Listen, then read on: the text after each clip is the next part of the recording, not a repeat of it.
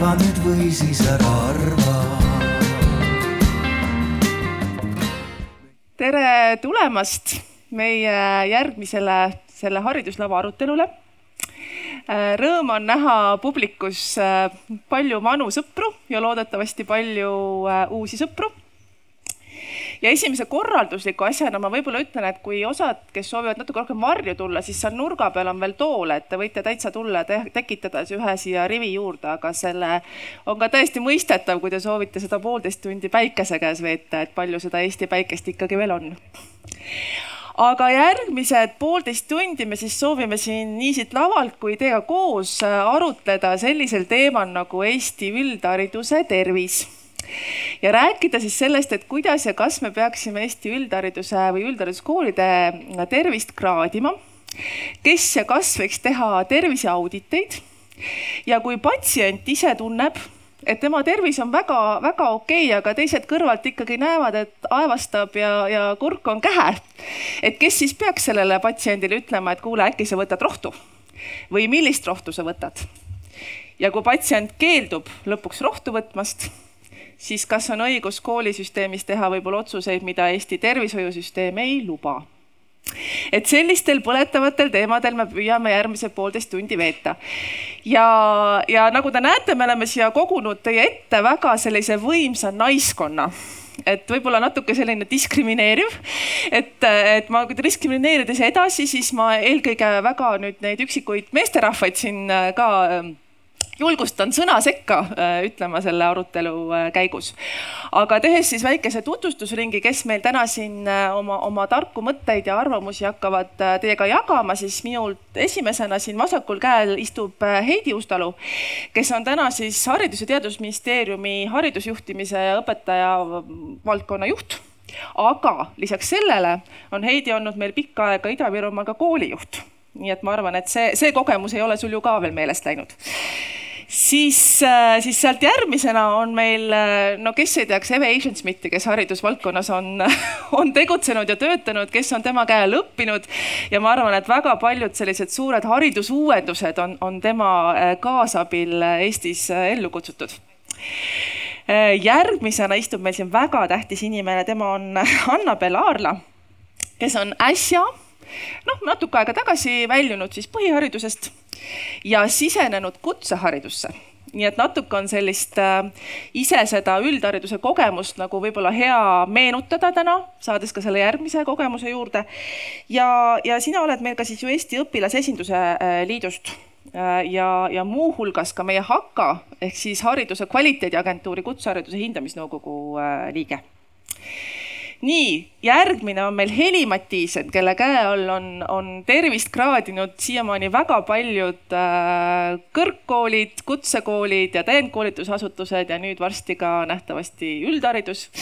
ehk siis väga paljude nii-öelda tervisenõu ja tervise, terviseauditite läbiviija on Heli meil siin aastaid olnud pikaajalise kogemusega. ja seal nurga peal lõpuks istub meil Kristi Mumm, kes on Tartu Forseliuse kooli õppejuht, aga mitte ainult, tema on ka meil näiteks koolide mentor, äh, koolimeeskondade mentor ja ma arvan, et Kristi on see inimene, kes on, on väga hooga oma koolis nii-öelda neid tervise kraadimisi läbi viinud ja ka neid arstirohtusid otsinud, kui on ikkagi selgunud, et kuskil natuke mingisugune palaviku äh, pisik on juurde tulnud.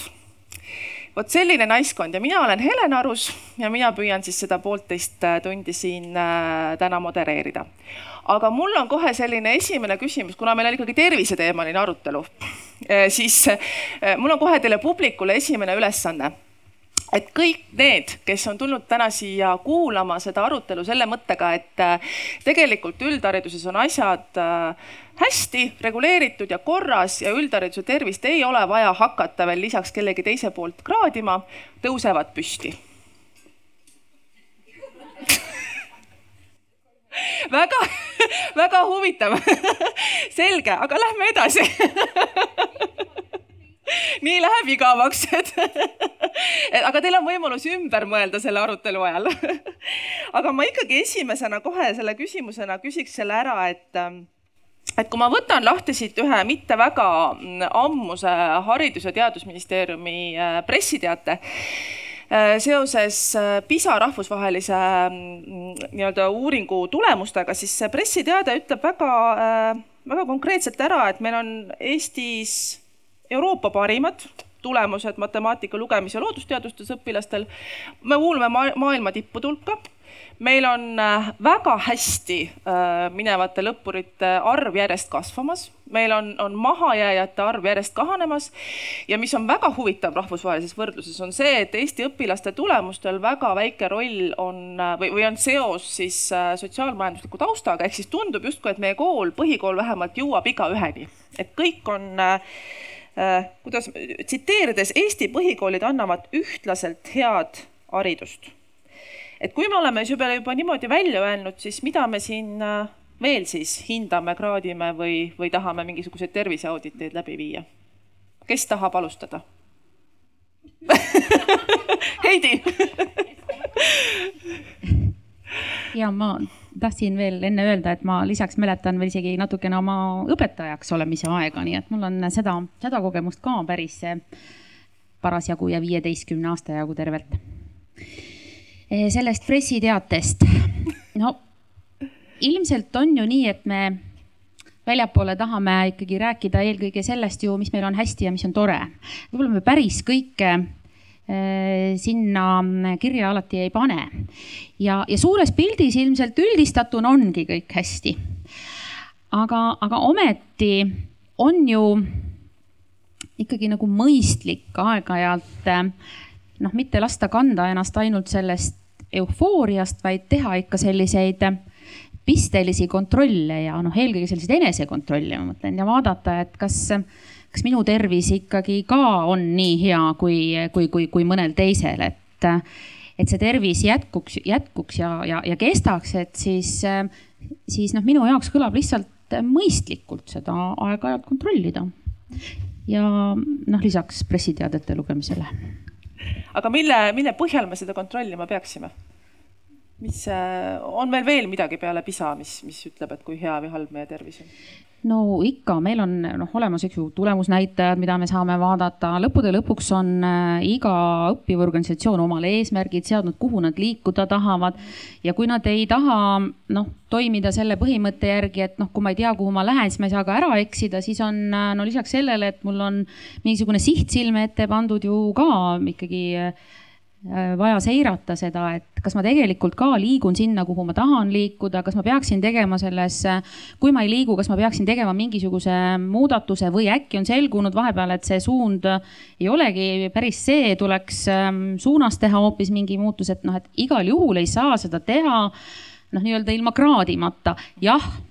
äh, arvamusel ja usul on noh, nagu ka kõva jõud, aga Äh, seal taga noh, ei, ei, ei pruugi olla seda nagu päris jõudu, et noh, mõistlik on igal juhul kraadida, kraadida.. Mm -hmm tere ja tõesti suur rõõm on näha nii palju tuttavaid nägusid, et vahel suve, pika kahe kuu puhkuse järel enam ei tunne ära võib-olla kõiki, aga igatahes on suur rõõm püüdes vastata siis küsimusele, et kas PISA äh, tulemuste üle on meil siis nagu või põhjal on meil mõistlik olla rahul kõige sellega, mis äh, Eesti koolis toimub, siis ma kõigepealt ütleks, et oleme isegi kirjutanud äh, meedias artikleid, et Eesti õpetaja on maailma parim ja, ja et Eesti koolis tehakse väga head tööd ja, ja neid sõnumeid ongi väga vaja sest et äh, me teame, et, et selline positiivne tagasiside, positiivsed sõnumid innustavad õpetajaid, annavad äh, sellist äh, nii-öelda tuult tiibadesse järgmisteks tegudeks. nii et, et ähm, kindlasti meil on põhjust PISA tulemuste üle olla rõõmsad, rahul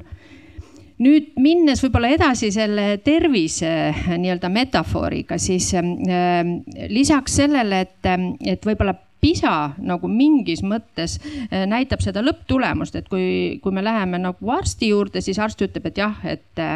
et äh, asjad on hästi, süda funktsioneerib korralikult, mingisuguseid äh, halbu tegelasi ei ole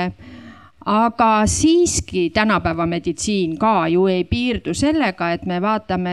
mingi hetkeseisuga, et kas inimene on terve või haige, vaid et tegelikult jälgitakse, monitooritakse inimese tervisekäitumist, püütakse aru saada, mis toimub juba palju ennem, kui me seal arsti juures saame selle diagnoosi, et asi on halvasti. ehk siis, et ma arvan, et lisaks PISA-le on väga oluline, et me väga süsteemselt ja regulaarselt vaatame ikkagi, mis toimub nagu pidevalt. ehk siis, et nüüd kvaliteedijuhtimise keeles rääkides mitte ainult tulemuse hindamine ei pea toimuma, vaid protsessi hindamine, sest minu meelest on ikkagi väga-väga vastutustundetu mõelda ainult selle peale, et mis seal nii-öelda protsessi lõpus toimub, näiteks kasvõi riigieksamitega seoses võiks ju ka öelda, et see on üks hindamise ju nii-öelda koht siis ikkagi me oleme jäänud ikka väga palju hiljaks ja teinud võib-olla väga-väga palju õpilastele juba ülekohut, pakkunud täiesti ebasobivat õpikeskkonda. ehk siis, et ikkagi protsessi tuleb hinnata ja ja võib-olla siia juurde, et kuna haridusinimesi on siin nii palju, siis äh, te ju olete osalenud äh, tõenäoliselt Talise uuringus ja erinevates äh, näiteks Tallinna Ülikooli koolimonitooringus, et kus me tegelikult tahamegi just nimelt seda protsessi vaadet. Et kuidas on õpilaste näiteks vaimse tervisega. Ja me teame, et need näitajad ei ole üldsegi mitte nii rõõmsad või siis kuidas on just eelmises paneelis räägitud üldoskustega, aga ka kõige nii-öelda fundamentaalsema näiteks õpioskusega. Ja, ja tõesti, siin ma arvan, et Eesti riik ja Eesti haridussüsteem on mõnes mõttes nagu esirinnas ja see on ju, see on ju hea. sest kui me vahel oma väliskolleegidele räägime, et me tegeleme õpioskuste nii-öelda hindamise, mõõdikute väljatöötamise või abivahenditega õpetajatele, siis nad ütlevad, et no kuidas te seda ikka hindate, mis asi see siis on, ehk siis, et me teeme midagi, mida me oma nii-öelda eh, tulevase põlvkonna või õpilaste eh, eduka õppimise ja eduka toimetuleku nimel peamegi tegema midagi, mille põhjal me tõenäoliselt eh, võime ka maailmas teistele süsteemidele eeskujuks olla. kui tohib, ma hüppan vahele jah, et äh, mul lihtsalt tekkis paralleel praegu tippspordiga, et noh, tervisevaldkond ja hariduse valdkond on kindlasti väga tihedalt seotud, aga, aga mõnes mõttes võiks PISA pidada selliseks äh, noh, maailma tippsündmuseks hariduse valdkonnas, kus kõik omavahel nii-öelda konkureerivad. Ja, ja meid mõnes mõttes ka me treenime, me teame, mida hinnatakse ja tegelikult me siis ka valmistume selleks sündmuseks väga-väga pikalt ja pingeliselt ja õpetajad äh, on huvitatud sellest, et õpilastel hästi läheks. ehk siis me teeme justkui mingil hetkel tööd selleks, et meil PISA-s hästi läheks, ma natuke liialdan aga me unustame sageli ära seda, mis siis eelnes sellele ja mis siis võib-olla järgneb sellele sellele PISA suurepärasele äh, testile et me ei, ei mõtle sellele, kui stressis on õpetaja siis, kui ta äh, peab ette valmistama õpilasi PISA testi päevadeks või et, et millises vaimses konditsioonis on õpilased pärast seda, näiteks kahe aasta pärast. ehk siis see noh, PISA test on, on kindlasti meie, meie hariduse väga hea bränd aga Eesti, väike Eesti saab olla nii-öelda püsima jääda ja oma, oma kultuuri säilitada ainult juhul, kui, kui me oleme mitu korda paremad nendest, kes meile järgnevad. nii et see, et me natukene oleme paremad üle lahe soomlastest, ei tähenda veel, et me võiksime sellega rahul olla äh, mina piiluksin ka võib-olla veidi rohkem äh, sinna kardinate taha, mis siis tegelikult kõige selle Äh, taga on siis just äh, õpilase vaate poolest, et äh, see õppimine enne seda, kuidas ongi need unetud ööd. tean siiani, kuidas mõndadel sõpradel on siis näiteks välja kujunenud mingisugused unehäired, sest et lihtsalt seda kõike õppimist ongi nii palju ja enam ei räägi siis sellest Äh, kraadimisest metafoorses vormis, vaid ongi, see hakkab juba päriselt tervisele mõjuma, kui äh, koormust ongi nii palju. et äh, jah, vot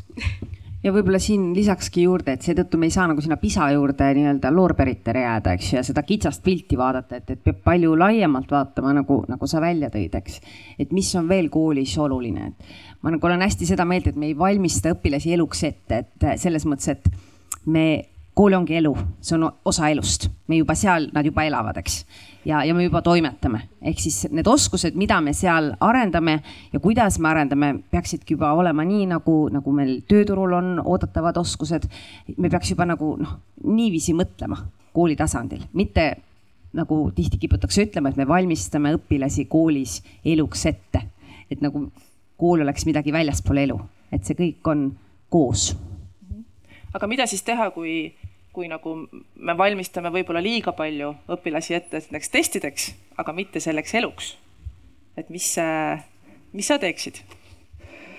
no siin ongi see, et mis kool on võtnud endale fookuseks, et Eve enne tõi välja need õpioskuste teema, eks ju, et oskus elus õppida. et me ei saagi kõiki neid teadmisi, mida tal vaja läheb oma tulevases elukutses, me ei saa neid kõiki ette ennustada, aga me saame talle anda kaasa õpioskused. ja meie oma koolis näiteks olemegi peatunud sellel, et, et kraadida, kuidas meie õpilastel on õpioskustega. oleme aru saanud, et õnneks tööd on ja, ja selle tööga tegeleme no Heidi mainis siin enne sellist huvitavat asja nagu tulemusnäitajad. et, et nende põhjal, neid võiks ka vaadata, et mis asjad need on, need tulemusnäitajad, kes neid vaatab? kes, kes, kus nad on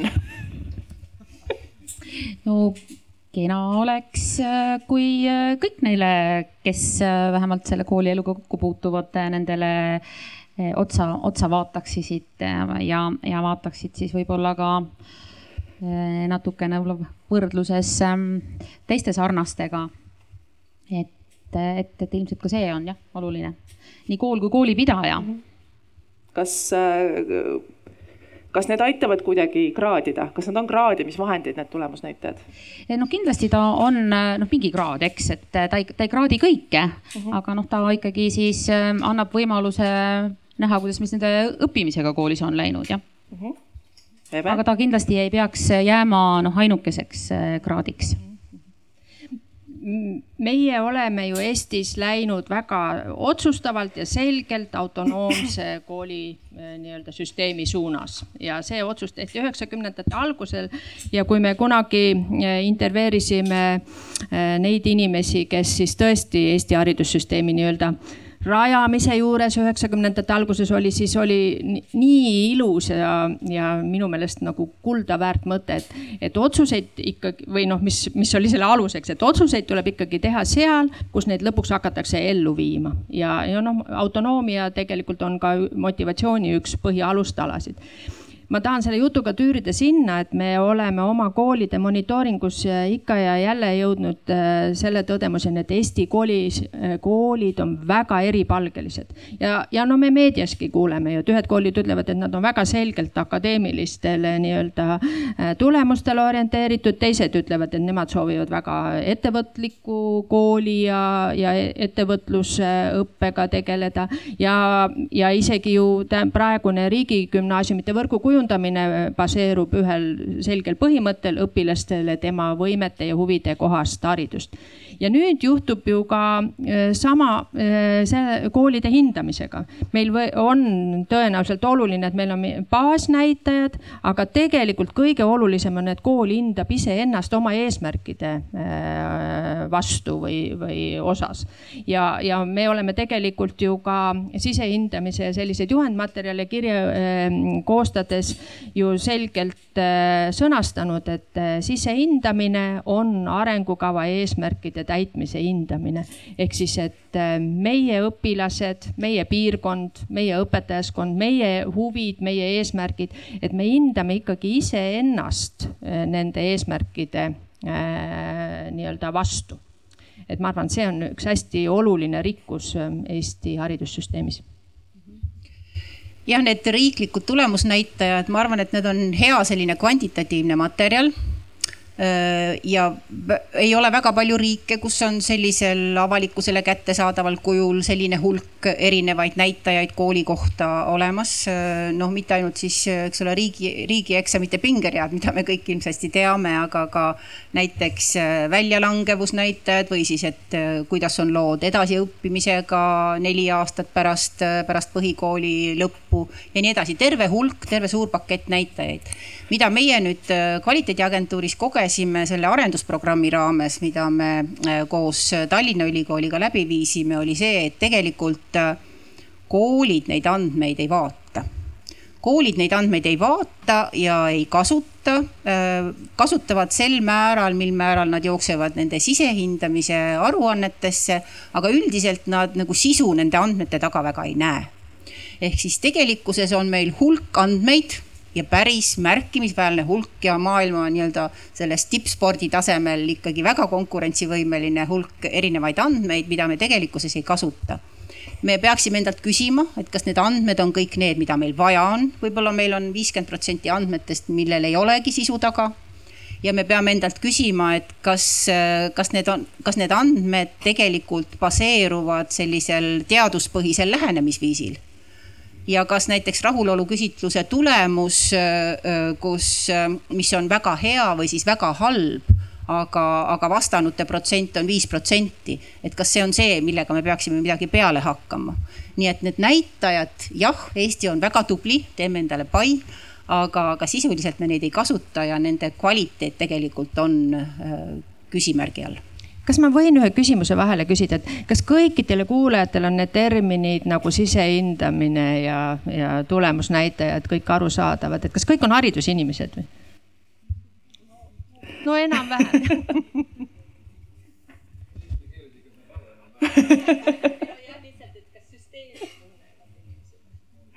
ma võib-olla siitpoolt tahtsin täiendada seda, et tõesti mulle noh, olles kokku puutunud ka nii mõnegi kooliga tundub aeg-ajalt, et, et selline arengukava ja, ja sisehindamine on midagi, mis vahel viie aasta või kolme aasta tagant peab ära tegema, et on tehtud, esitame ära, lähme eluga edasi. aga, aga et noh, samas ma juba näen natuke muutust, et päris paljud koolid näevad seda võimalusena, et, et sisehindamine on miski, kuidas iseennast uurida, peatuda, vaadata, kuidas mul läheb.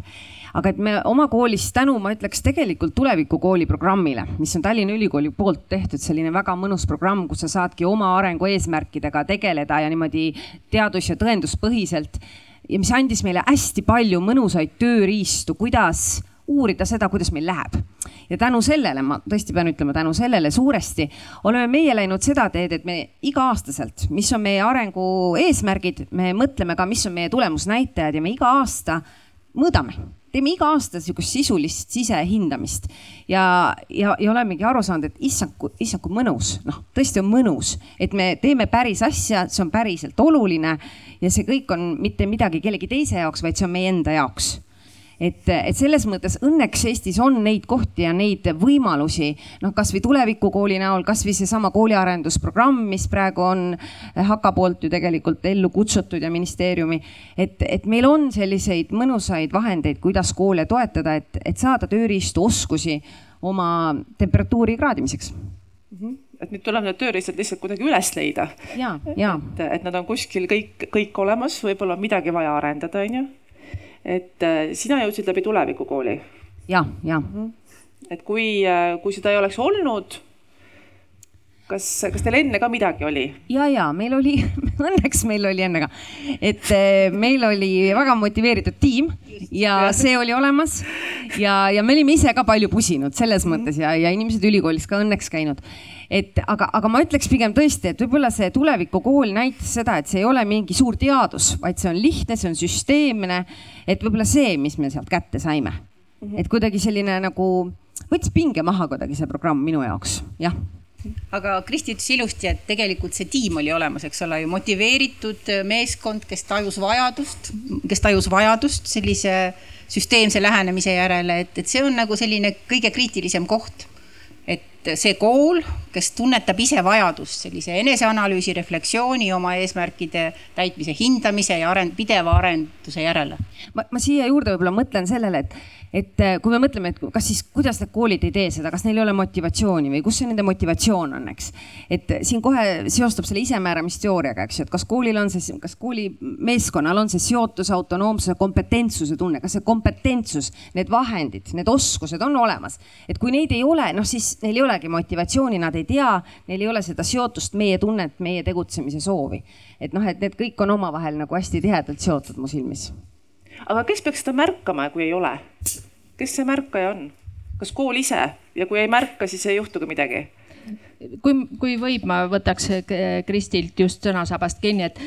üks oluline, ma arvan, selline käivitaja on ikkagi see, et, et see protsess peab olema tähenduslik. Ja, ja loomulikult on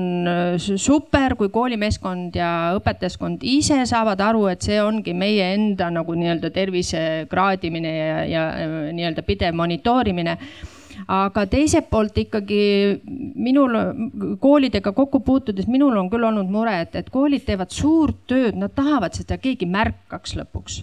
Ja, ja kui ikkagi juhtub selline olukord, et äh, kool on äh, mitu aastat põhjalikku tööd teinud, äh, analüüsinud oma tulemusi ja siis saates oma sisehindamise aruande pidajale see ju käib nii Eesti Vabariigis, et koolide pidajad on suures osas äh, kohalikud omavalitsused ja siis nüüd juba riigikoolide võrk ka aina äh, laieneb. siis ja kui pidaja poolt ei tule muud vastust kui aitäh, saime kätte. et siis äh, ma arvan, et, et see võtab küll hästi palju ka koolidel motivatsiooni maha, võib-olla sellist äh, diskussiooni nagu laiemalt ka pidada ja, ja ka mõelda selle üle, et mis koolivõrk seal piirkonnas võiks veel endast kujutada, kui palju me saaksime koos asju teha. Eh, kui palju me võiksime võib-olla ka mingisuguseid monitoorimistööriistu koos eh, rakendada ja lahendada. võib-olla selliseid ka tehnoloogilisi ja, ja muid andmete kogumise ja monitoorimise küsimusi. nii et, et ma arvan, et see on nagu ülioluline, et, et pidaja poolt ikkagi tekib tekib nagu valmidus ja soov sellel teemal nagu kooliga edasi töötada? see peaks olema kohe ikkagi nagu nende ähm, südameasi seal koolipidajal, ma mõtlen, sest äh, see on ikkagi tema vastutus, et äh, meie koolidel läheks hästi meie koolidesse tahavad õppijad tulla, et meie põhiprobleemiks ei pea muutuma, missugust kooli kinni panna, sest meil ei ole enam õpilasi, vaid et äh, kust saaks pinda juurde, sest äh, meile soovib õppijaid juurde tulla, et jaa,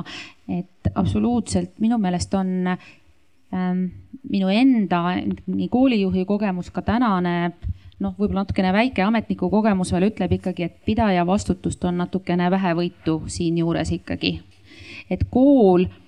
on sageli jäetud nagu omapäi toimetama, iseenese tarkusest äh, seda tehakse, kui satub ette tõesti mõni selline tore teejuht, hea eeskuju, äh, mõni programm, äh, mille abil seda teha saab. et see on väga kena, aga noh, see, see ei peaks niimoodi olema, et et selles väikeses Eestis, kus me oleme, võiks see olla nii palju küll kõik meie ühine asi, et, et, et see pidaja vastutus oleks ka märksa selgem siinkohal. Võib-olla ma võin äh, mõne näite tuua Tartu linna tasandil, et kuidas meil pidaja toimetab meiega, et kaks näidet, et kui meie just nüüd, eelmine aasta saime oma arengukava valmis, et siis oli suur rõõm, et, et pidaja tundis huvi, et me saime kokku oli selline sisuline arutelu meie arengukava üle, olid mõned mõtted, ettepanekud, küsimused. et äh, selle üle oli suur rõõm ja võib-olla teine näide, mis meil Tartus on äh,, Tartu linnakoolid on omavahel teinud kvaliteedikokkuleppe äh,. me tegime selle esimest korda, äkki oli kaks tuhat viisteist, siis ainult põhikoolide vahel ja hetkel just nüüd õpetajate sügisfoorumil augustis allkirjastame uue kvaliteedikokkuleppe, kus on seekord ka gümnaasiumid kaasas, kus me olemegi kokku leppinud mingid punktid, milline see Tartu haridus võiks olla. ja see on siis äh, koostöös Tartu koolide ja pidajaga. ja, ja võib-olla, kus see üldse alguse sai, oli see, et, et äh, tõsta seda koolide koostööd, mitte niivõrd nagu olla konkurentsikesksed, kuivõrd koostöökesksed. ja, ja nüüd ma just rääkisin ka oma koolijuhiga ja sain aru, et eelmine aasta, kui oli pidajaga tal arenguvestlus, siis ka peatuti nendel kvaliteedikokkuleppe punktidel, et kuidas, kuidas eelmise kvaliteedikokkuleppega läks. et ma arvan, et see on juba ka suur samm, mis on, kuhu, kuhu on edasi liigutud. See on, ma arvan, väga hea näide, mis sa praegu tõid, eks küsimus on, et kas kõik omavalitsused suudavad meil äh, nii-öelda sarnast taset äh, saavutada. Äh, on ju väga palju, väga palju väikesi omavalitsusi, kus äh, üks inimene täidab nii noorsootöö kui hariduse valdkonna nõuniku ametikohta ja see ongi kõik. erinevalt siis Tartust, kus on eraldi, eraldi haridus, äh, haridusosakond vist on, eks ole aga, aga mul tuli nagu see mõte ka veel, et, et kui me räägime, et pidaja peaks suutma seda sisukat tagasisidet anda, et siis me jooksemegi kinni sellesse, et, et kus need inimesed on seal pidajate juures ja, ja üks, üks probleem, millega me silmitsi seisame, ilmselt ongi see, et, et täpselt niisama nagu tuleb, tuleb suurendada või anda võimalus koolidele seda andmete lugemise oskust arendada. täpselt sama teema on ju ka pidajatega, kohalike omavalitsustega, kus ega siis see oskusteave sinna niisama lihtsalt ei tule koos inimesega, kes on võib-olla ka poliitilistel kaalutlustel parasjagu just, just haridusnõunikuks või haridusspetsialistiks valitud. nii et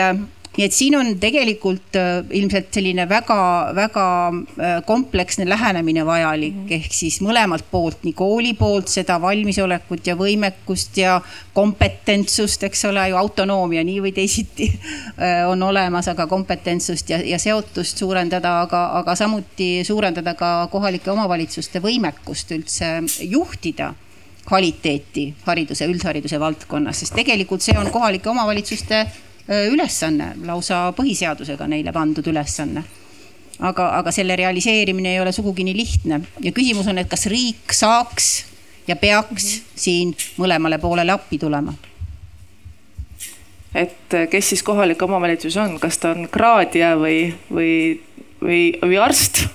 Või kraad või hoopis kraaditav. või kraaditav just, aga see ongi küsimus, sest et tegelikult kohalik omavalitsus peab ju iseennast ka kraadima mm. -hmm. ja kohalik omavalitsus äh, kraadib iseennast ja on ka olemas selline kohaliku omavalitsuse kraadimine äh, toimub ka mm, majandusministeeriumi, ei. üks kord nelja aasta tagant toimub see jah, just. Äh, rahandusministeeriumi juures, et mingisugused kvantitatiivsed näitajad jällegi, mille alusel me kraadime. aga küsimus on, et kui me võtame ükskõik millised kvantitatiivsed näitajad, isegi kui nad on mingisuguses ajalises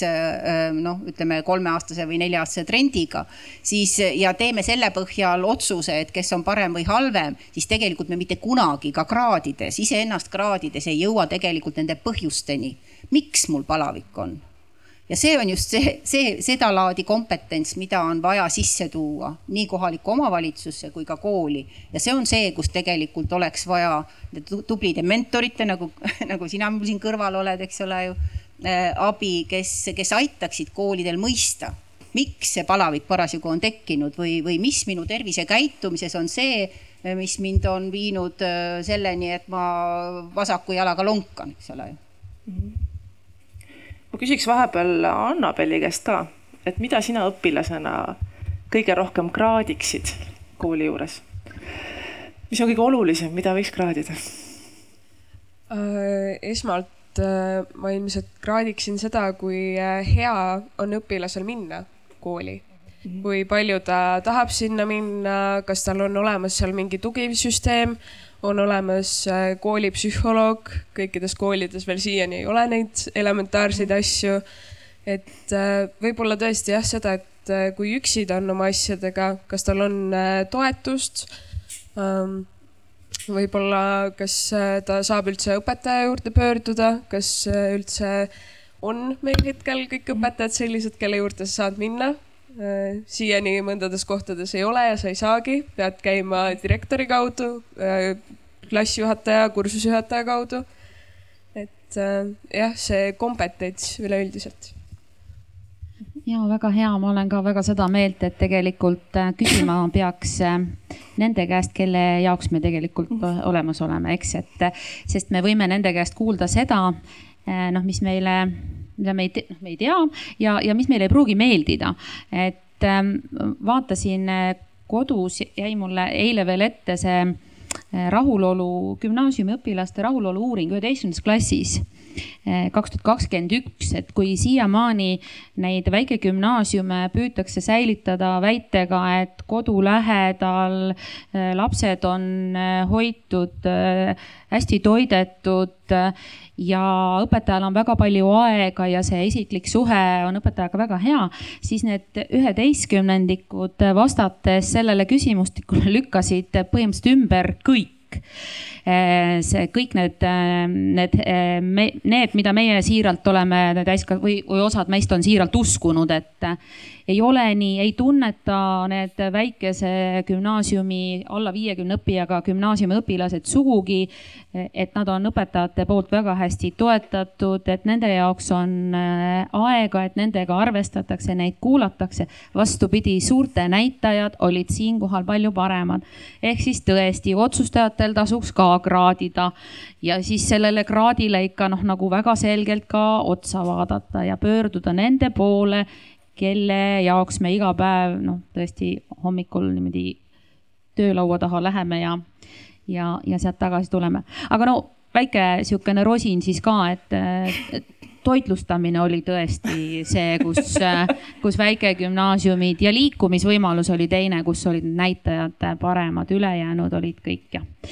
ja ma usun küll, et neid võib uskuda, lõppude lõpuks need on juba täisealised inimesed, üheteistkümnenda klassi õpilased, kes, kes teavad, mida nad räägivad ja mille järgi nemad oma otsuseid teevad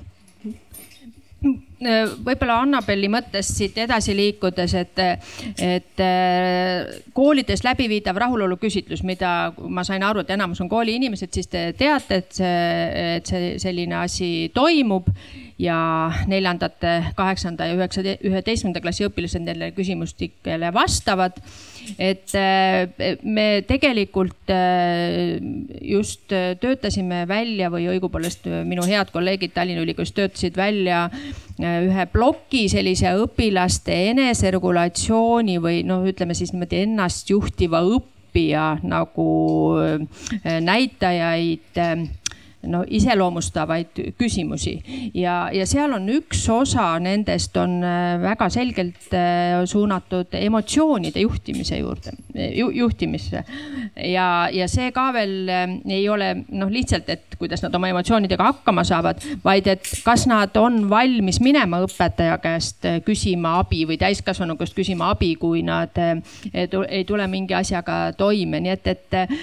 et võib-olla sinna tagasi tulles selle alguse juurde, kus me alustasime alustasime, et kas PISA, PISA-st piisab, siis noh, kaugel mitte. et kaugel sellest, et tegelikult meil tõesti on vaja just nimelt neid äh,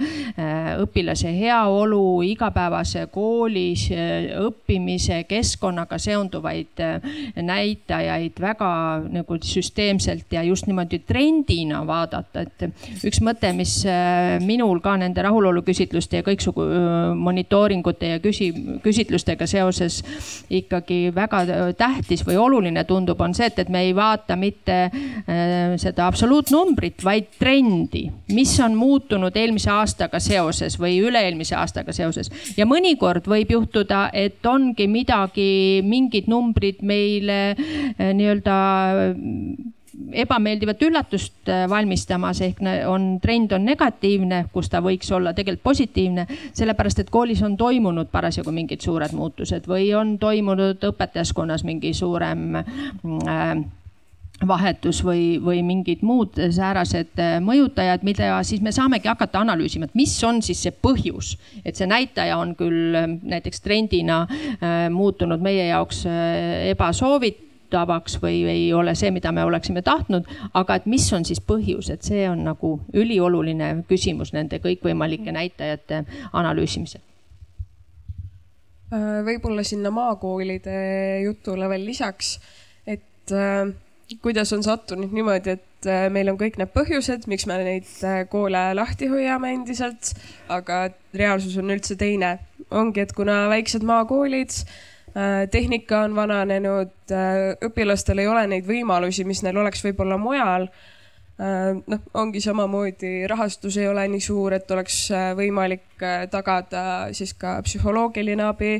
õpetajad on, kes seal on olnud, nemad ilmselt on olnud seal viimased nelikümmend aastat juba Äh, ka nende teadmised on vananenud, pole raha koolituste jaoks, kõige sellise jaoks, ehk siis äh, lõppkokkuvõttes ongi lihtsalt äh, rahulolematud õpilased tagajärjeks. ja et see on nagu,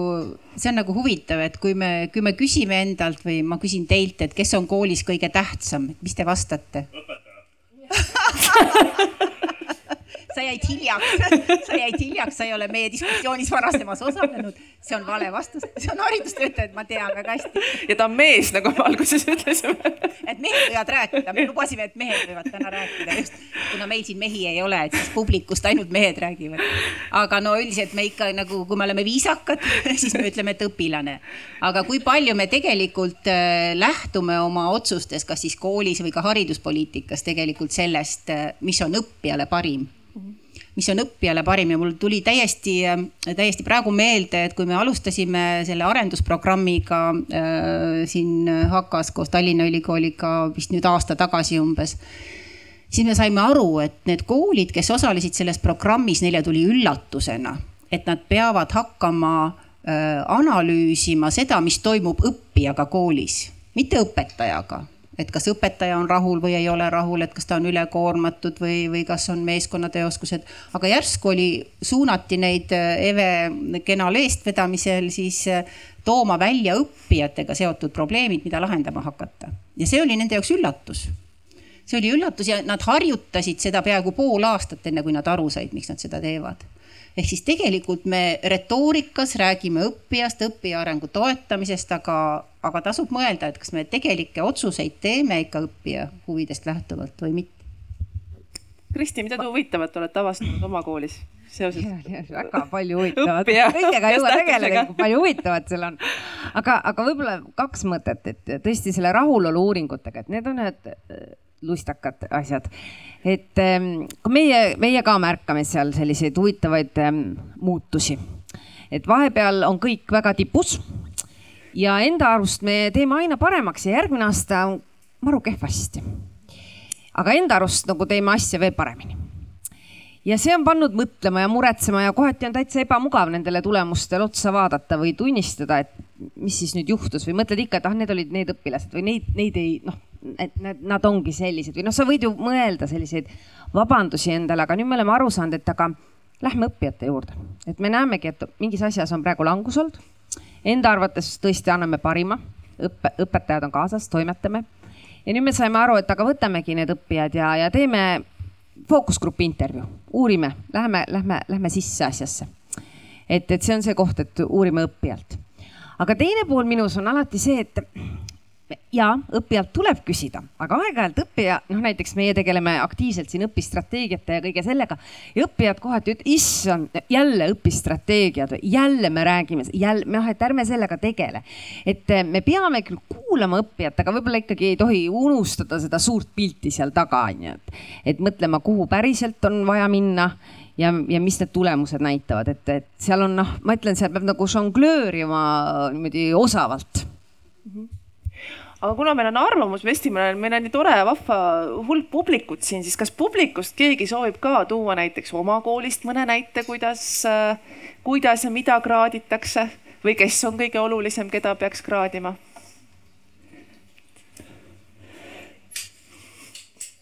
loodan ka tere, minu nimi on Triinu Pääsik, osadega oleme tuttavad ka haridusmentorite MTÜ alt, siis esindan täna. tükk aega võtsin julgust et üldse sõna võtta, siin on äärmiselt ebamugav olla. Eh, aga, aga proovin, panen siia kirja, panin midagi kirja ka, siis natukene spikerdan. Eh, minu küsimusi on siin mitu, nii et te saate valida endale, millisest otsast te alustama hakkate. Eh, kõigepealt, kas kraadime õpilasi või õpetajaid? mida me mõõdame, millal me mõõdame, kuidas mõõdame, kuidas analüüsime? kas, mida me selle infoga peale hakkame ja kas see, mida me mõõdame, on tegelikult see, mida me saame sealt tulemustena ka. nüüd ma jäin mõtlema selle peale, et, et need suured mõõtmised, mida tehakse ette teadvalolevalt, noh, me teame, et kahe aasta pärast on see mõõtmine või, või kolme aasta pärast on see siis me saame ju natukene nagu valskust ka teha. selles mõttes, et me saame vastata niimoodi, nagu võiks ju vastata. ja, ja samal ajal me näeme, et igapäevaseid mõõtmisi on ju raske teha, sest õpetaja tööd ju peaks ka jõudma teha ehk siis selline pidev monitooring on natukene nagu keeruline ja ajamahukas ka. Ma jäin mõtlema selle peale, kui oli nüüd kevadel see suur pauk et, et üheksakümmend protsenti õpetajatest on nüüd läbi põlenud. et selline suur avapauk käis või selline lõpetav pauk on ju. see ei tule mitte ühelegi õpetajale üllatuseks, et kevadel meil on kett maas. et kas ühesõnaga, kuidas nagu mõõta ka seda, mis päriselt seal õppeaasta jooksul toimub ja mina ütlen, et lihtsalt siin ettepanekuna, et tegelikult see,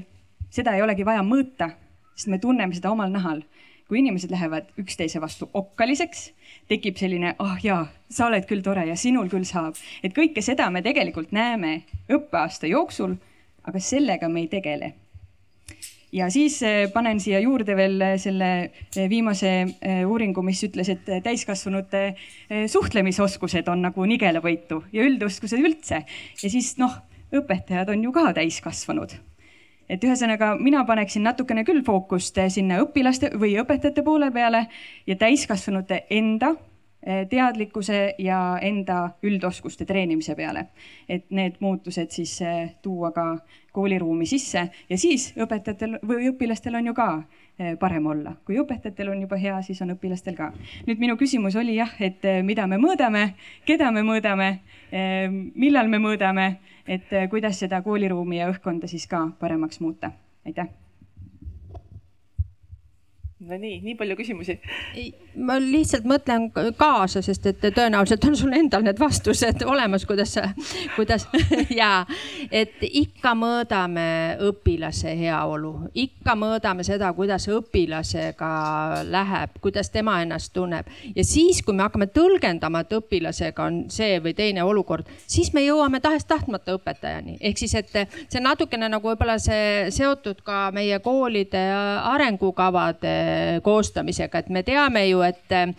et äh, neid tehakse ka väga usinasti, väga palju eesmärke on üldjoontes arengukavas ja, ja kasutatakse ka sellist klassikalist mudelit, mis on vanast äh, sellisest rasvast koolidesse jäänud, et,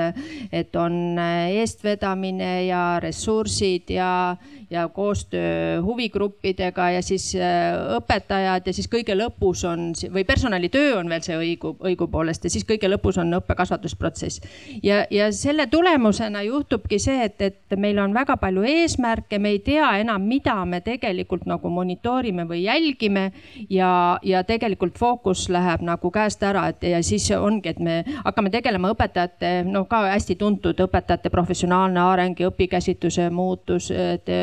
meto-, uute metoodikate omandamine, aga mis mõju sellel kõigel on ikkagi nagu õpilasele, et noh, et kui me selle fookuse, see on nagu selline nagu mõtteviisi küsimus või sellise nagu mm, fookuse küsimus, et kui me fookuse oleme paika saanud, siis me hakkame ka aru saama, et mida me tegelikult peame tegema õpetajate heaolu ja, ja õpetajate toetamisega seoses. aga, aga ikkagi esimene ja isegi ma olen vahel testinud äh, sellistes koolitusolukordades, et, et kui õpetajad on ruumis ja kui, kui kogu aeg käib nende nagu arengu ümber trall, siis nad tunnevad ennast tegelikult natukene ebamugavalt et noh, et, et aga kui nad saavad aru, et me teeme sellepärast, et õpilastega juhtuks see, teine või kolmas asi, siis nad saavad aru, et jaa, loomulikult mina pean siis ka oma õpikäsitlust muutma või ma pean tegema mingisuguseid muudatusi oma eh, hindamissüsteemis ja, ja nii edasi, nii et, et ikka ikka õpilase eh, nii-öelda, eh, nii-öelda monitoorimisel on fookus aga võib-olla Triinu, see sinu mõte, et noh, et, et õpetajal ei olegi seda nagu aega teha ja et et seda ei pea igapäevaselt tegema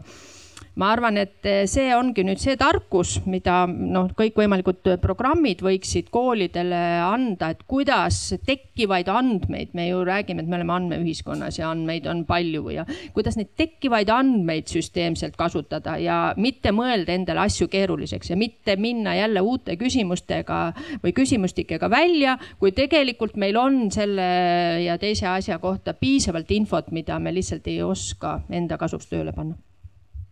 Triinu, ma noppisin, noh, sa lubasid, et valite ise, mis tahate, on ju, mina noppisin kaks eh, sellist ähm, mõtet enda jaoks, et võib-olla me tõesti küsime natuke liiga palju. Ähm, ja võib-olla me kõike seda, mida me küsime, ei oska äh, tarkadeks otsusteks edasi ära kasutada.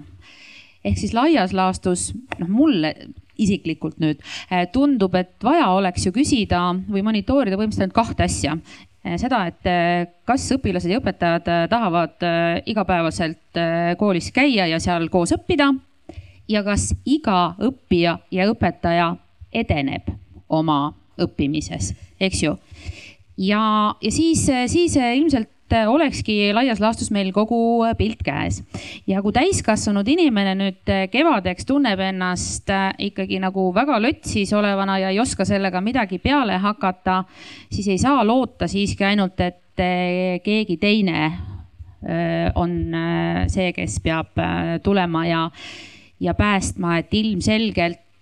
peame me neid täiskasvanuid, nagu sa ütlesid, neid ka koolis olevaid täiskasvanuid õppima, õpetama iseennast aitama, kuidas nad kasvatavad neid häid enesejuhte, kui nad ennast ei juhi ja iseendaga hakkama ei saa, et ma arvan, et siin on ka veel tibake ressurssi sees mina noppisin sult äh, ikkagi selle esimese küsimuse, et, et keda me siis nüüd ikkagi kraadime, eks. ja, ja ma mõtlen, et me kraadime õppijat ja õppijaks on koolijuht, õpetaja, õpilane. ehk siis te, noh, ja kõik lõpuks taandub küll õpi, õpilasele kui sellele õppijale, eks, aga, aga et meil tuleb nagu kraadida nii ka koolijuhtimist, kuidas, kuidas toimub juhtimine kooli tasandil, kuidas läheb ikkagi sellel õpetajal ja kuidas läheb õpilastel. sest noh, nende kõigi heaolu lõpuks tõesti taandub sellele õppijale, aga minu jaoks on see nagu tervik. ja kvaliteedi kokkuleppesse, meie ka Tartu kvaliteedi kokkuleppesse panime selle, et, et me tahame liikuda aina rohkem sinna, et õppijaks on kõik Tartus ja et koolijuhid tegutsevad, et koolides oleks õpiringid, et miks need õpetajad koos õpivad, just miks me neid õpiringe taga ajame, mitte et rääkida lihtsalt nii lahe, meil on koolis õpiringid, vaid et midagi muutuks õpilase jaoks, on ju, just. Ja et mina noppisin ka oma asja välja, et äh, kaks asja, et üks oli seesama õppija teema, et mulle hästi meeldis, mis Kristi praegu ütles ja teine oli frustratsioon. Äh, frustratsiooni noppisin ka välja ja frustratsioon selle üle, et nii palju mõõtmisi on, eks ole ju, et küsimus on, et mida, miks me mõõdame pigem, eks ole, mida me saavutada tahame ja kes mõõdab. Äh, ja kelle jaoks see on tähenduslik, see mõõtmine, kas see on kooli jaoks tähenduslik, kas see on, ma ei tea, ministeeriumi analüü-, analüüsiosakonna jaoks äh, või, või Heidi jaoks tähenduslik et ja mida me nende andmetega kui kompleksandmetega peale hakkame, kas me oskame neid omavahel seostada ja selle põhjal järeldusi teha? Et see on tegelikult see päris alguse jutt, kus ma ütlesin, et kas meil kõiki näitajaid vaja on, kõiki asju, mida me hindame ja mõõdame, kas seda kõike vaja on ja kas nad kõik on tähenduslikud, et ma, minu sügav veendumus on, et kõik ei ole tähenduslik, aga et me ka ei oska neid omavahel seostada ja, ja selliseid tõenduspõhiseid järeldusi neist teha. et see on selline väga suur õppimise koht ja ega siin väga palju tarku ei ole, nii et paneme pead kokku ja läheme koos edasi. Mina jällegi noppisin selle, kelle jaoks me mõõdame enne siin jutu käigus tuli välja, et äh, koolid nii väga ei vaata neid andmeid Äh, neid need nii väga ei huvita ja tunduvad, et ei ole asjakohased. kes neid ometigi vaatavad, on äh, õpilased, kes on äsja lõpetanud põhikooli või äh, gümnaasiumi, et vaadata, kuhu edasi minna, kus on potentsiaalselt kõige rohkem võimalusi, huviringe, toetusi. et, et nende jaoks on ka kindlasti väga oluline kraadida. Mul tuli siin meelde endale üks meie hästi vahva kohtumine Soome kolleegidega, kes äh, ja kohe. Väike äratus kes ütles, et üks asi korraga, et, äh, et meil on nagu selline hästi suur tahtmine teha kõike, asuda kohe kõike mõõtma ja parandama, et, et, äh, et ma arvan, et nii soomlaste kui meie jaoks on hästi suur oskus, kuidas leida see üks asi ja hakata kõigepealt sealt pihta, onju, ja siis vaadata, kuhu me, kuhu me edasi jõudme. üks käsi oli olnud veel kuskil seal taga. kohe jõuab mikrofon sinuni.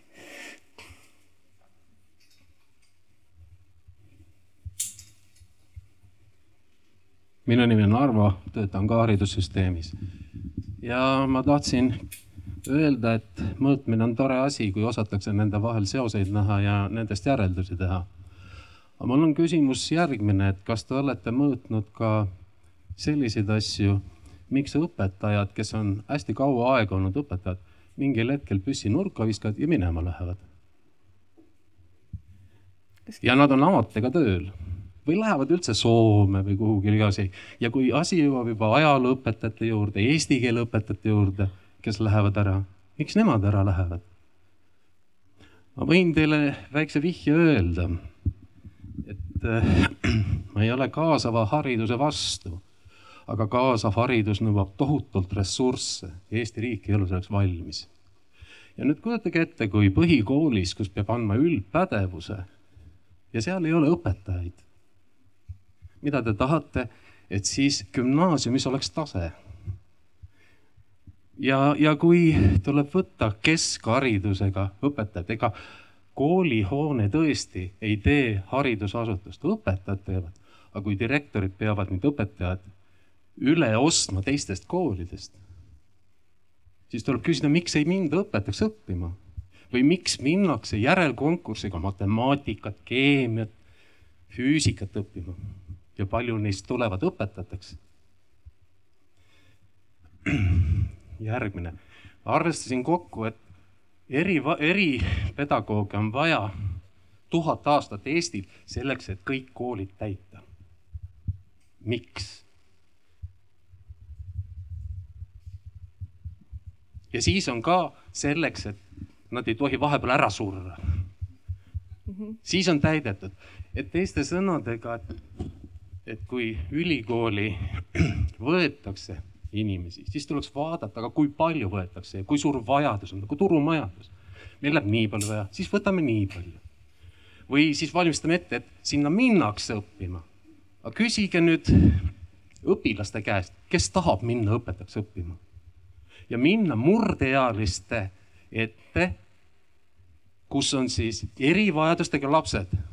Siin oli küsimus üles, et miks üks klass on tugevam, teine nõrgem aga piisab, kui on kaks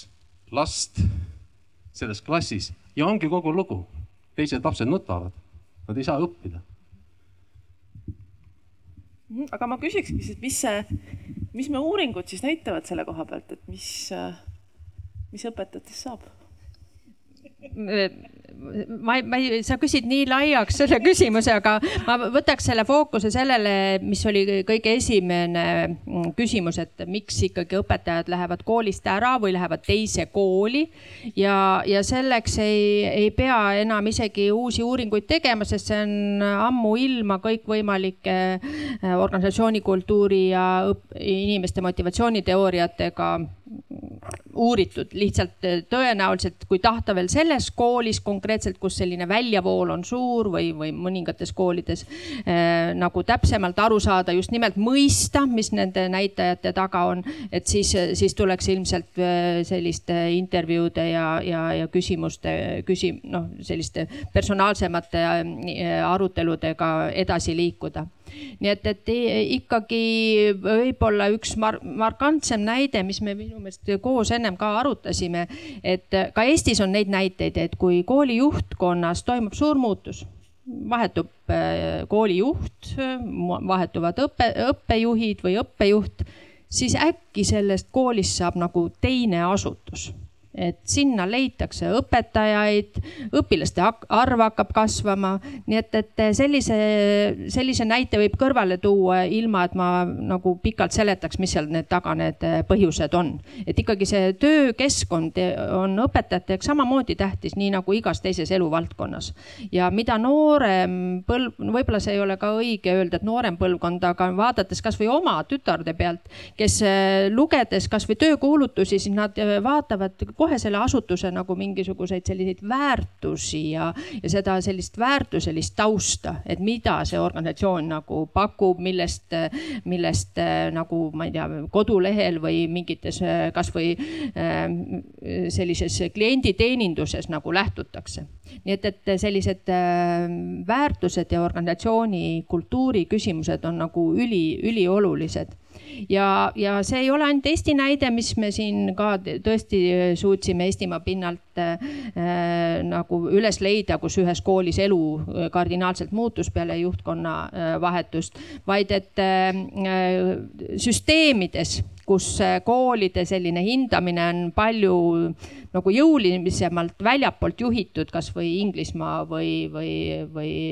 Ameerika Ühendriigid või ka Holland, siis tegelikult seal väga kaua ei mõelda selle üle, kui ühe kooli näitajad on pikka aega kehvad, seal vahetatakse ikkagi juht ja juht saab luua oma meeskonna.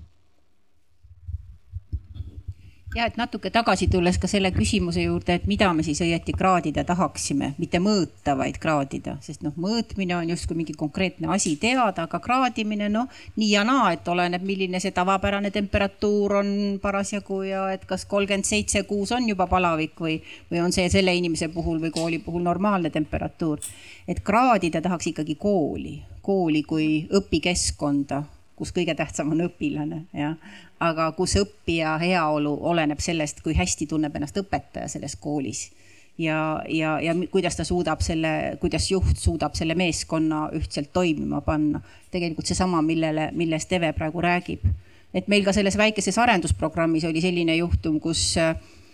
kus jah, õppijast lähtuv probleem tuvastati, aga, aga lõpptulemus, see, millega pidi tegelema hakkama, oli tegelikult koolimeeskonna kujundamine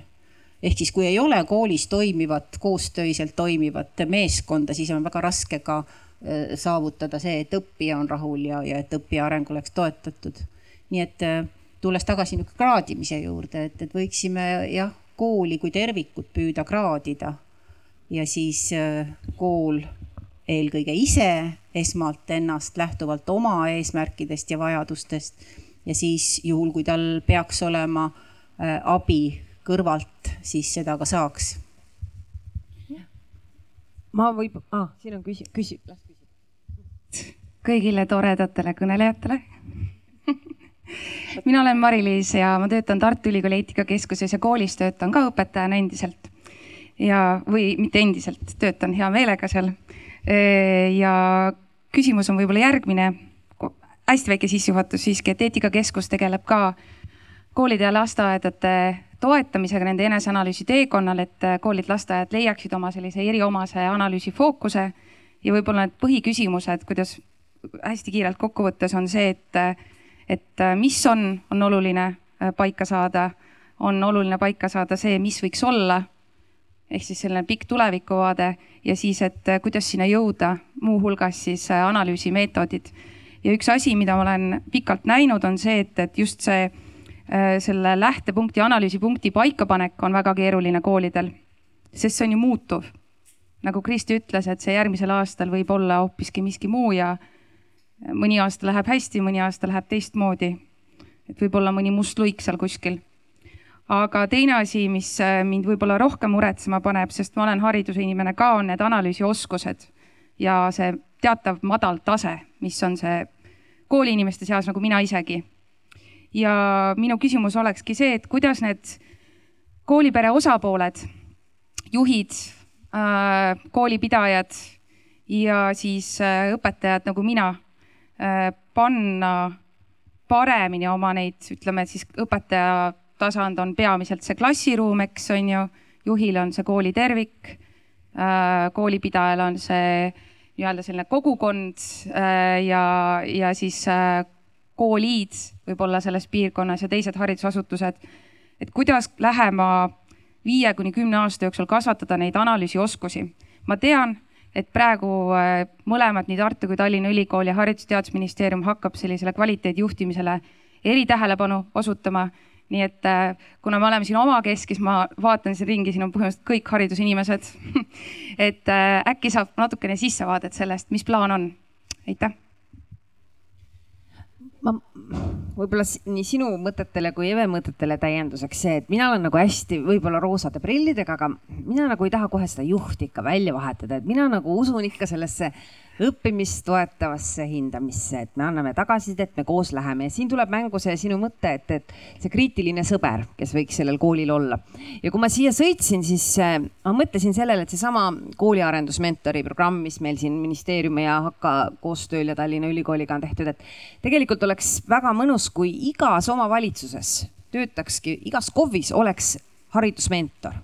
et, et ongi see, kes tegeleb, noh, seal on ju need nii-öelda üldhariduse spetsialistid ja kõik need inimesed, nad tegelevad seitsme tuhande asjaga, aga et ongi see mentor, kes on kooli jaoks see kriitiline sõber, kellel on see pagas ja see oskus, kuidas kooli toetada oma andmetega töös, kuidas panna rohkem anal-, noh vot ja, ja kui see oleks igas olemas, siis äkki läheks elu ilusamaks, mis te arvate? Mari-Liisi küsimusele vist peame ka vastama aga selle natuke vastas äkki, natuke. iga, igal juhul, äh, aga just nimelt, et äh, see programm, mida siis praegu me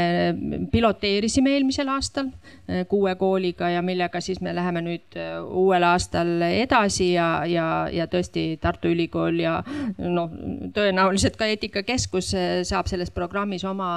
varasema pädevuse ja, ja teadmised kõik äh, nagu mängu panna. et äh, just nimelt see eesmärk on sellist koolimeeskonna äh, põhist arendusprotsessi käivitada, et mitte nii, et, et üks on juht kuskil ja siis on õpetajad ja, ja, ja, ja teine asi, et noh, et, et ka, et see siht oleks ikka hästi selge. et, et see on õppimine õppija arenguks äh, nii-öelda soodsa keskkonna või, või toetava keskkonna loomine ja kuidas me siis iseenda koolile just olulised ähm, nii-öelda tegevused või, või meetmed välja töötame ja, ja see, seda siis äh, sellist arendusprogrammi siis tõesti hakkavad äh, ülikoolid pakkuma just võib-olla nendele koolidele, kellel on olnud äh, siin viimastel aastatel kasvõi need riikliku rahulolu küsitluse tulemuste osas sellist mitte väga positiivset trendi ja, ja, ja võib ja et nad vajaksid sellist toetavat nii-öelda süsteemset lähenemist aga teiselt poolt siis on ju selles meetmes veel teisi tegevusi, mis just nimelt sellist tõenduspõhist äh, kooliarendust toetavad. Ja ma siis lisan siia natuke juurde, et kõigepealt on äh, sellesama programmi raames siis äh, plaanis ju välja töötada ühiselt nii-öelda need kvaliteedinäitajad, et mis siis on see, milles me kokku lepime, et need on need, mille põhjal me ütleme, et vot see kvaliteet, kui on täidetud, see on nüüd tagatud siis eh, noh, lisaks nendele näitajatele on, eh, on siis oluline see siis need näitajad nii-öelda süsteemselt tööle panna, et nad meie heaks töötaksid. lisaks on, seda juba Eve ütles, et on sellised tugiprogrammid koolidele, kes on võib-olla jäänud natukene hätta, aga kes on ennast kraadinud ja kes on aru saanud, et noh, nad vajavad abi, et nendele pakutakse sellist pikemaaegset kahe-kolmeaastaseid äh, arengutoe programme, et nad saaksid siis oma sihte nende kriitiliste sõpradega koos seada. ja lisaks veel kolmas tegevus äh, sellest äh, paketist on siis, et luuakse ka äh, eraldi selline e-töölaud haridussilma juurde, niisiis äh, kooli, koolile, koolijuhile kui ka koolipidajale, kus on siis need äh, näitajad tal nii-öelda seal töölaual kogu aeg olemas ja, ja mida ta siis äh, saab vaadata ja, ja, ja kui märkab siis, et kuskilt hakkab minema midagi roosaks või punaseks, et siis on võib-olla kergem silma peal hoida, et see on selline hästi põgus, hästi kiire ja hästi lühike, aga Heli võib-olla tahab juurde lisada siin koos Hakaga ma ja, nüüd ka juba olen oh, õppinud üp, üp, ütlema haka, enam haka, ei ole eka. me ise unustame aeg-ajalt ära, aga, aga haka poolt vaadates jah, et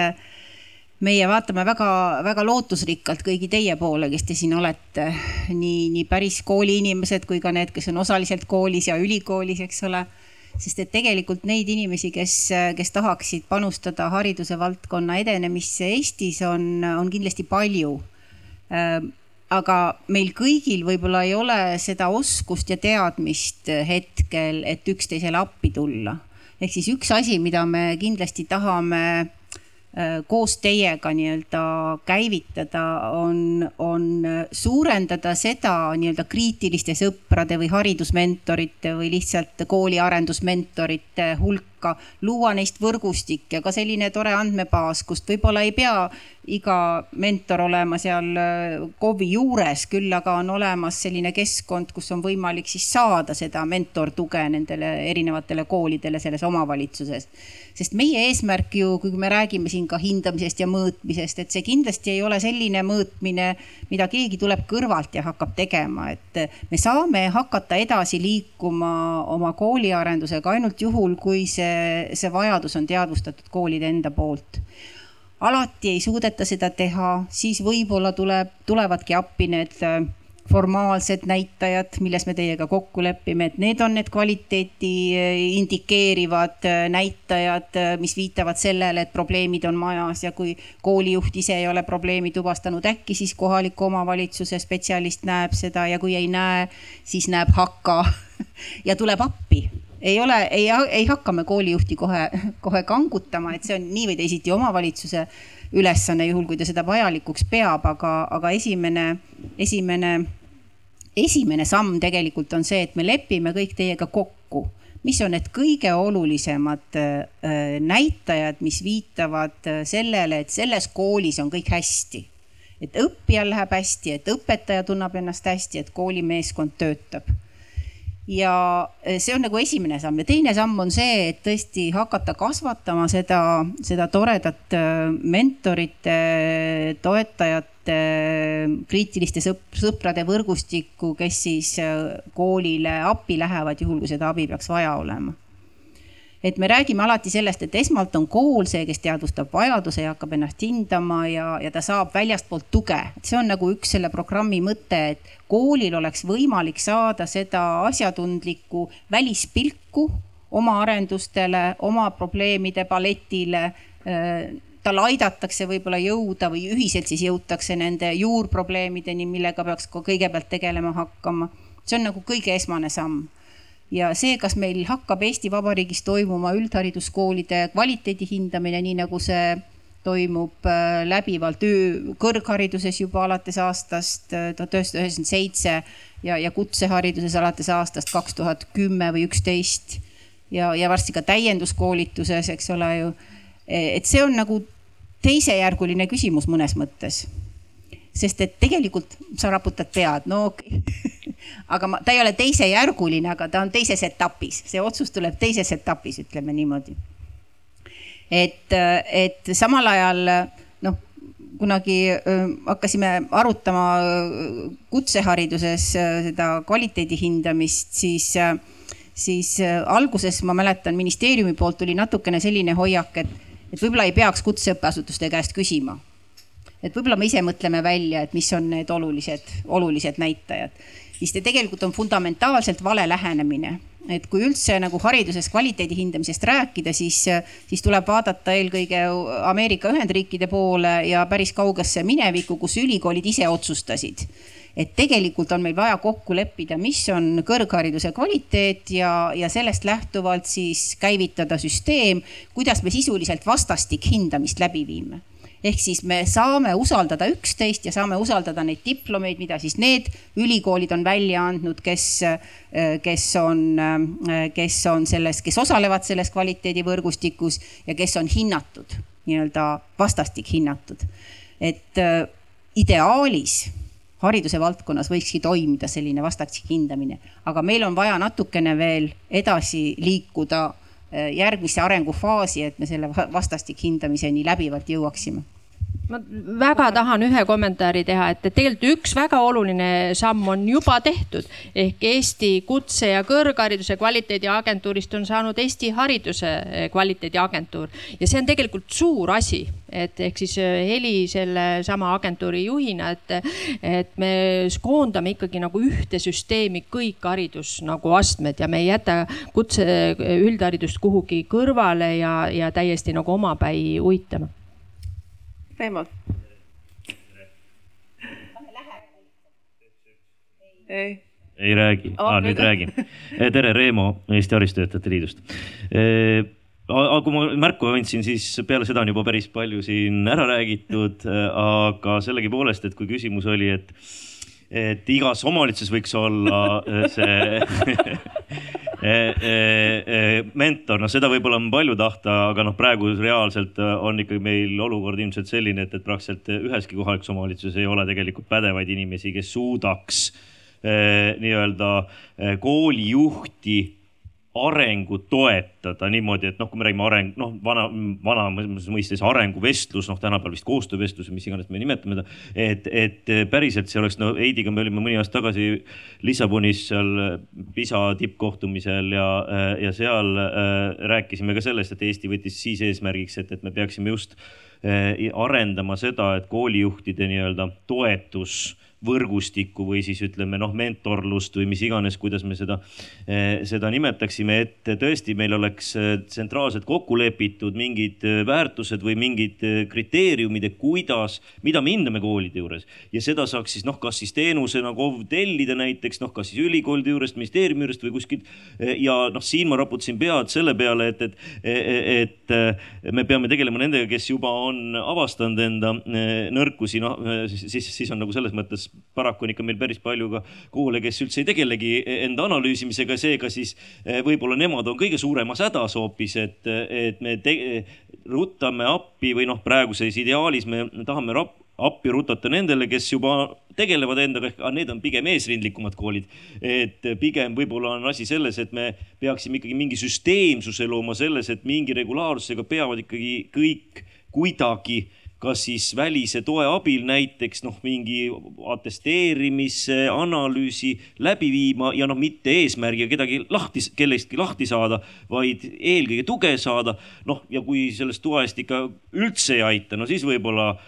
ettekirjutusena äh, siis ka äh, vahe, äh, vahe, välja vahetada see, kellele tuge pakkuda. aga noh, see on tõesti selles mõttes probleem, et, et, et meil tegelikult ikkagi ei ole seda kompetentsi koolipidajate seas tegelikult, kes, kes saaksid koolijuhti ja üld, ja üldisemalt siis koole üldse toetada ja see on nagu tegelikult suur probleem minu meelest, aga aitäh praegu, ma vist jäingi jutustama natuke. ja, ja eks see kompetents, kuule Reemo, siit kompetentsetest ju kasvabki, et ega me seda kuskilt kotiga väljast äh, püüdma ei lähe, eks ju, et seda me saame ikka oma inimeste äh, tugevusi ära kasutades. Äh, seesama ähm, mentorlus saab olla ju ka koolijuhi karjääri üks osa, eks ju, et ka see, ka sinnapoole me täna liigume, neid samme me tasapisi ähm, astume. Ja ka see, et nii kool kui, kui koolijuht äh, saaks oma tööle tagasisidet, et, et see kõik on olemas ja, ja noh, Triinul on siin terve võrgustik, ma saan aru, haridusmentoreid, et äh, juba jälle kuskil mingi niidi otsake olemas, et nendest, nendest endist me neid kasvatamegi, et ähm, kuskilt ähm, väljast sisse vedama ei hakka ja, ja on ju mitmeid arendusprogramme, on ju KOV-i töötajatele ka arendusprogramm, nagu on õppejuhtide arenguprogramm ja koolijuhtide järelkasvuprogramm ka KOV-i inimestele. ja tegelikult seesama mentorprogramm, meil olid ju ka kaasatud siin KOV-id, et, et me ei toimetanud väljapoole nend, nagu neist ja iseenesest need koolid, kes siia äh, programmi olid valitud ikkagi mitte tunde järgi, vaid ikkagi ka mingite näitajate põhjal, et kellel tõesti oli ikkagi kurk väga punane või, või, või ikkagi väga tugev nohu juba, krooniline aga ma korra kordakski selle küsimuse üle, et me alguses esimese asjana küsisime ka, et aga mida siis teha nendega, kes juba tükk aega köhivad, tulevad tööle, aga, aga ära ei lähe. et kes peaks seda tähelepanu juhtima, et kuule, sa köhid juba tükk pikemat aega, et äkki oleks vaja natuke mõnda, ma ei tea, põdrasambla teed juua. No ongi nii, et kes kuuleb seda köhimist, eks, et ideaalis noh, tegelikult peaks ju kuulma eh, kohalik omavalitsus, kuna see on kõige lähemal aga, aga teine on ikkagi see, mida me nüüd tõesti planeerime sellel eh, uuel tõukefondide perioodil on, et me püüame leida need köhijad üles. kes ise võib-olla ei teagi, et nad köhivad või ei ole märganud, et nad eh, regulaarselt, regulaarselt aevastavad ja et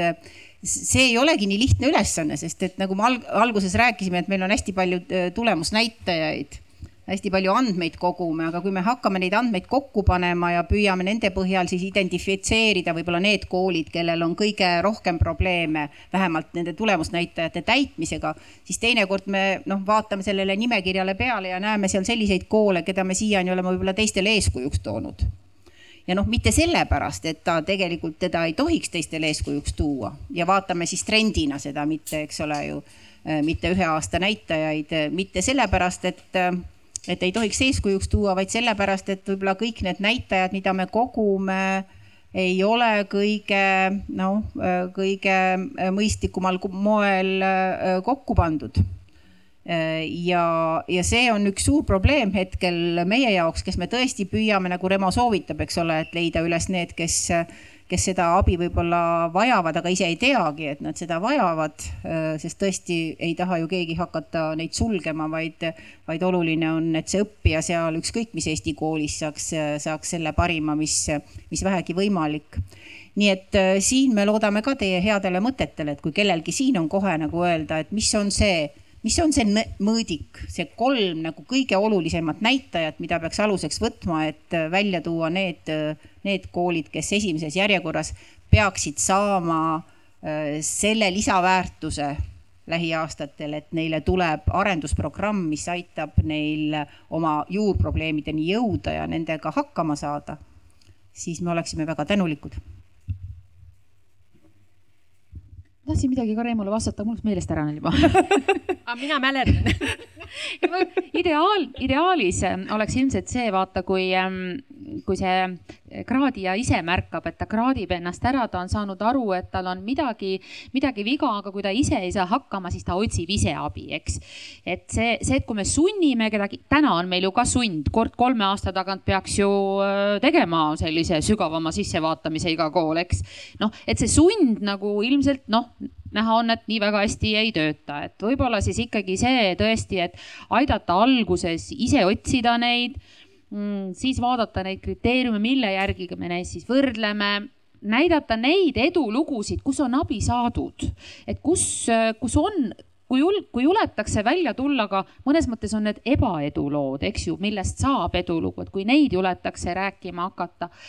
Ehk siis selline eeskuju teema ikka äkki jälle jah, et ja ega kiiresti ei juhtu mitte midagi.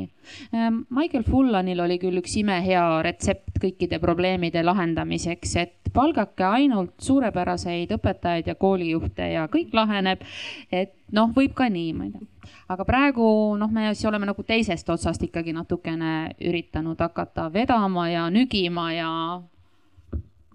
vaatame ma viskasin enne õhku selle palli, et ikkagi, kui kaua on ühes koolis trendid äh, kehvavõitu ja õpetajad lahkuvad ja õpilased ka sinna kooli ei lähe, et siis tuleb ikkagi juht välja vahetada. aga ma endiselt äh, tahan olla kõikide Eesti koolijuhtidega sõber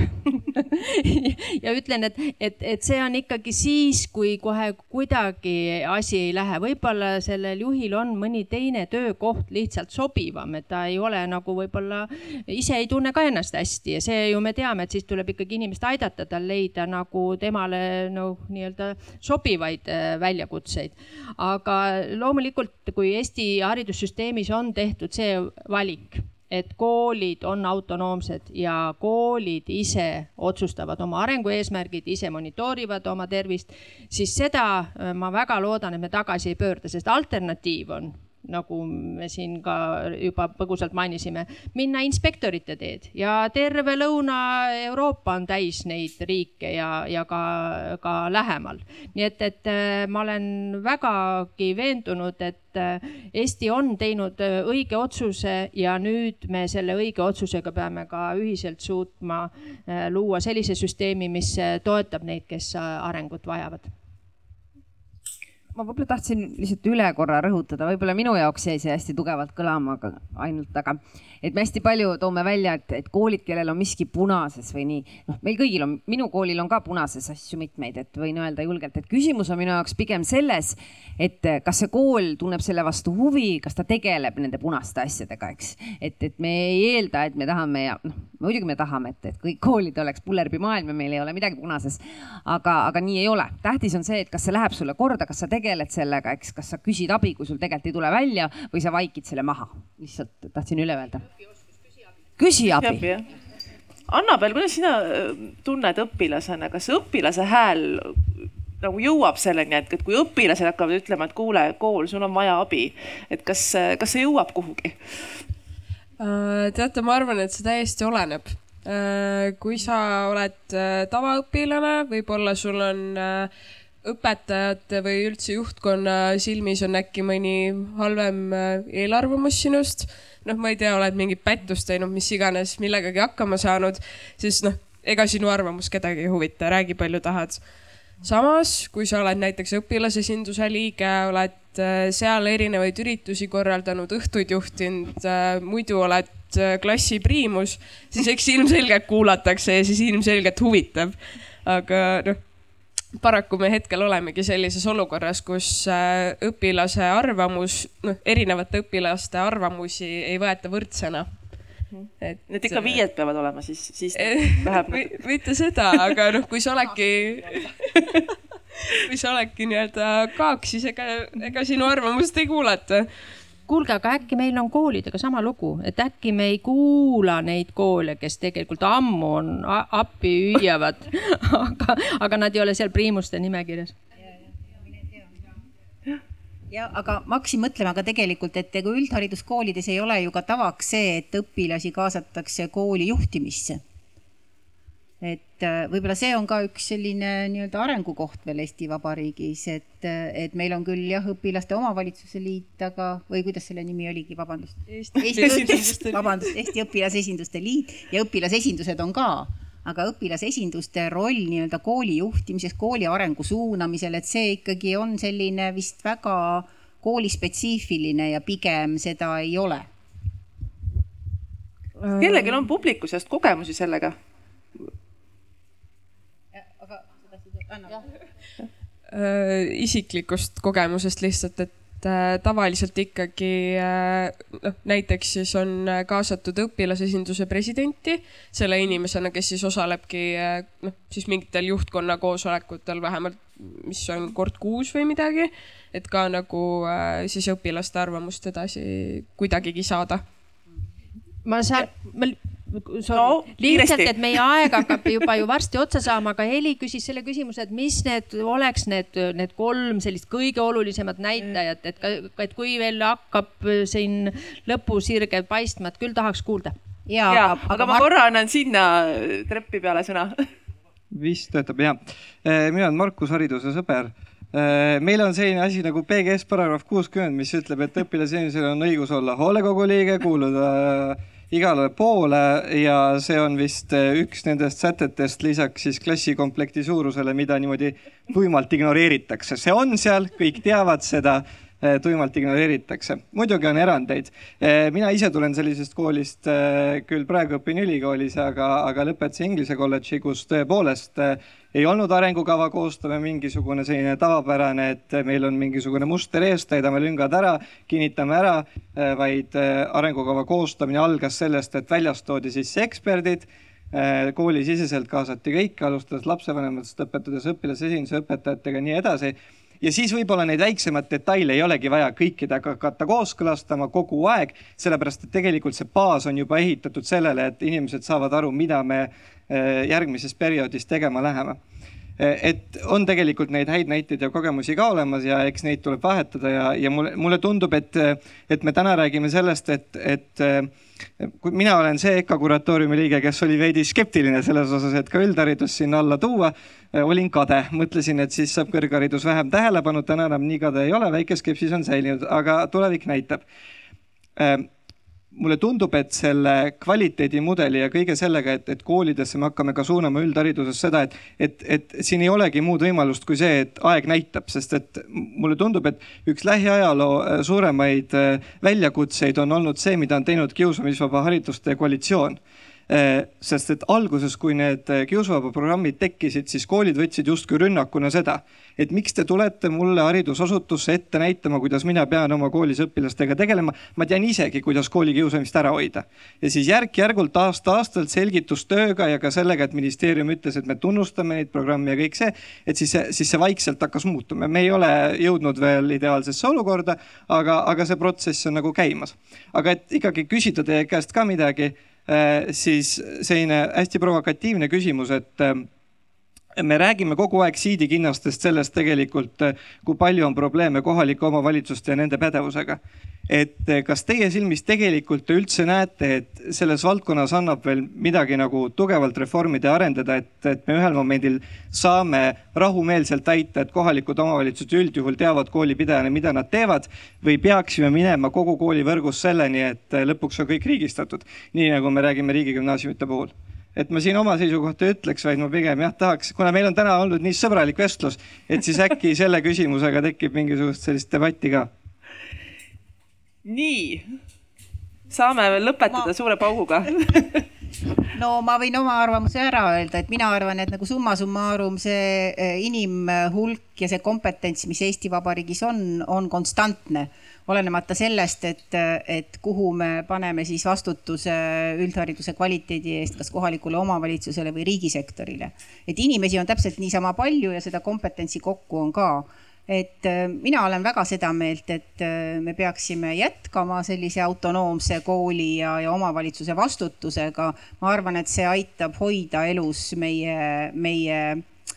meie kultuuri ja meie keelt ja meie regionaalseid eripärasid äh, ja, ja tugevalt toetan seda, nii et äh, leiame lihtsalt need inimesed ja, ja aitame neil areneda, aga, aga noh, see on regionaalpoliitika osa üksiti, et, et need, need inimesed, kes suudaksid ja tahaksid tahaksid haridusvõrku edendada ja, ja koole toetada, nende arengus ka jõuaksid erinevatesse regioonidesse. ei jääks ainult Tartusse pidama mina lisaks, et äh, hoiame ukse lahti selles mõttes, et äh, nagu sa, Heli, ennem ka ütlesid, et äh, kui juhtub, alustame esimese etapiga, et koolidele andmed, tarkust, süsteemseid ja kvaliteetseid andmeid ja, ja tuge selles kasutusprotsessis. ja, ja, ja kui siis ikkagi ei lähe asjad, siis meil tuleb mõelda, et milline on veel see kvaliteedi hindamise nagu mehhanismid ja üks võimalus on võib-olla mitte hakata koole kohe riigistama, aga ikkagi väga selgelt tuua äh, sarnane muster, mis on kutse ja, ja kõrgkoolidega, et ikkagi toimub sellist äh, regulaarset äh, ka välisekspertide poolse vaate andmist. Ma saan nüüd küll väga isiklikku seisukohta siin ainult esindada. Et Ähm, võib-olla siis see on ka koht, kus koolidena saaks iseendale otsa vaadata, et miks siis meie juures ei ole kasvanud sellised, kes teeksid selliseid äh, otsuseid, mis oleksid äh, mõistlikud, arukad, kaalutletud. No võib-olla siis tasukski suurem rõhk panna ikkagi nendele, kes meil täna veel seal koolides on ja ikkagi seda õppijast lähtumist oleks rohkem, et nad saaksid aru, kui palju nendest ka edasises elus sõltub, et kasvatame siis järgmised targemaks. ülejäänud otsused on poliitikute käes. vot